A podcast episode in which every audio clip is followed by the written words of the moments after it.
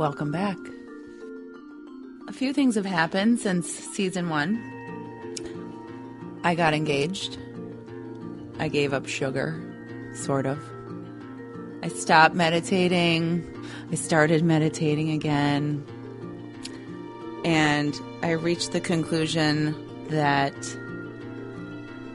I still have so much to learn. I think after 10 years, I thought I kind of had this healing thing figured out. And now it's really just the beginning of the journey. So thank you for letting me be your guide. And I'm going to be right along with you this season. We've got a whole new cast of characters to talk to. We've got some returning friends. And we're really going to dive into some new topics that aren't just about ourselves. We're being guided to, you know, step into that higher power, really know our worth so that we can see everyone around us in their worth. And that's what heals the planet. We've got um, an animal healer who's going to help us take better care of our pets. We have a meditation guru who can connect us to our children and what they need and how to empower them on their path.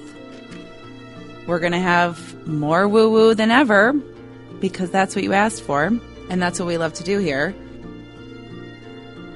So he said the vet's saying we need to euthanize him because there's nothing they can do for him. So we did two healings. Um, he hasn't had a seizure. He's running, he's eating, he's pooping, and he's off thyroid medicine that he's been on for years. Oh my gosh. Two healings. So, I mean, that's why I always say it can be so easy to turn it around.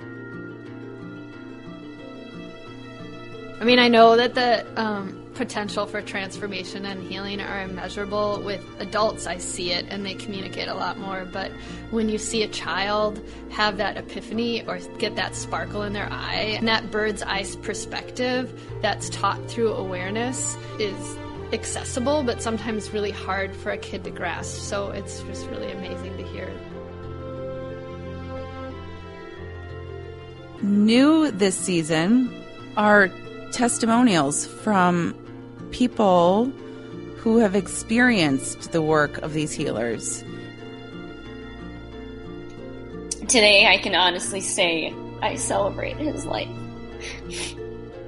When in the past, I had felt as if something was taken from me. He will always hold a dear spot in my heart, definitely throughout the remainder of this lifetime.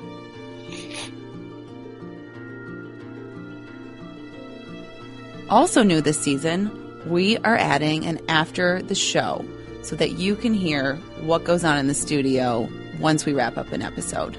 What I thought of the episode, what my producers, Derek and Phil, were thinking while we were recording, and what we wish we could have said, or the questions that we didn't ask. If you're still in the mindset of, well, if you see a therapist, then you should hand over your man card, you're probably not 12 minutes into an in between episode of a podcast called Healers, for one. Right. And, and are you collecting man cards? Is that like a hobby of yours? Can you make fake man cards? Is there like a, a fake uh, fake ID business? It's a hashtag happening already here. Now that we have wetted your whistle, come back July 17th. no one likes wet your whistle. then you're not going to like the after show. Be sure to subscribe to Healers on iTunes, healerswanted.com for all the goodies, and follow us on Instagram at Healers Podcast. We'll see you soon. Namaste.